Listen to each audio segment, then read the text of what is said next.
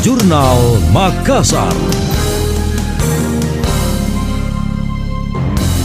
Saya Emil Faris dalam Jurnal Makassar. Pemerintah melalui Dinas Perdagangan tengah mencari solusi untuk menyelesaikan persoalan gudang dalam kota. PLT Kepala Disdak Arlin Arista mengatakan langkah awal dengan merampungkan data bagi pelaku usaha yang telah sengaja melanggar ketentuan yang ditetapkan pemerintah, kemudian menyadarkan mereka melalui penyampaian secara persuasif. Langkah penertiban disiapkan jika dirasa perlu. Dia menyebut pembinaan dan pengendalian usaha dan tertib niaga merupakan tugas dan fungsi Dinas Perdagangan, dimulai dengan identifikasi pemeriksaan pemenuhan komitmen pelaksanaan usaha.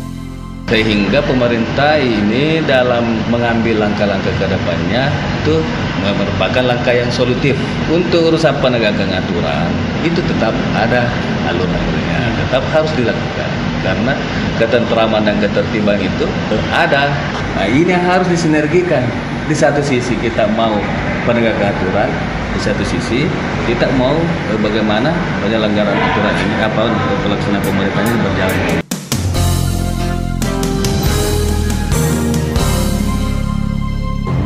Upaya percepatan penertiban gudang dalam kota sebelumnya disuarakan legislator DPRD Makassar Kasrudi. Dalam pandangannya, aktivitas ilegal tersebut kian menjamur di sejumlah wilayah. Pemerintah diminta jangan gegabah dalam mengambil langkah, terlebih kondisi pandemi COVID-19 saat ini. Upaya pemindahan harus dilakukan secara persuasif. Anda masih mendengarkan Jurnal Makassar dari Radio Smart FM.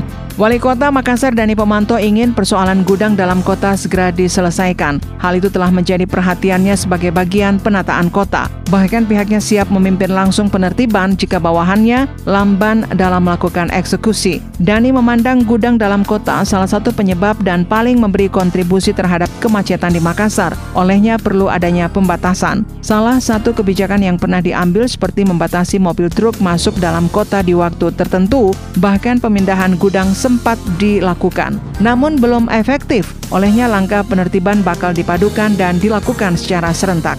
Gudang dalam kota punya kontribusi kemacetan luar biasa karena gudang dalam kota menimbulkan bangkitan eh, truk masuk ke kota. Iya, karena harus koordinasinya dengan baik dengan tata ruang, yeah. dengan perhubungan, hmm. dengan satpol dan kecamatan. Nah, insya Allah jadi di stek juga kan orangnya baru di situ, dia harus mempelajari, dia perlu waktu untuk mempelajari. Insya Allah hmm. saya langsung pimpin barang-barang seperti itu.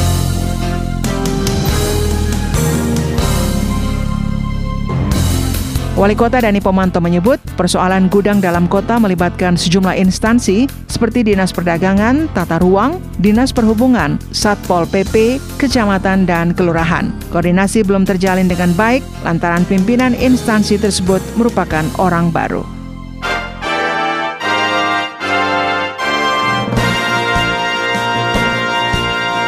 Demikian tadi, Jurnal Makassar.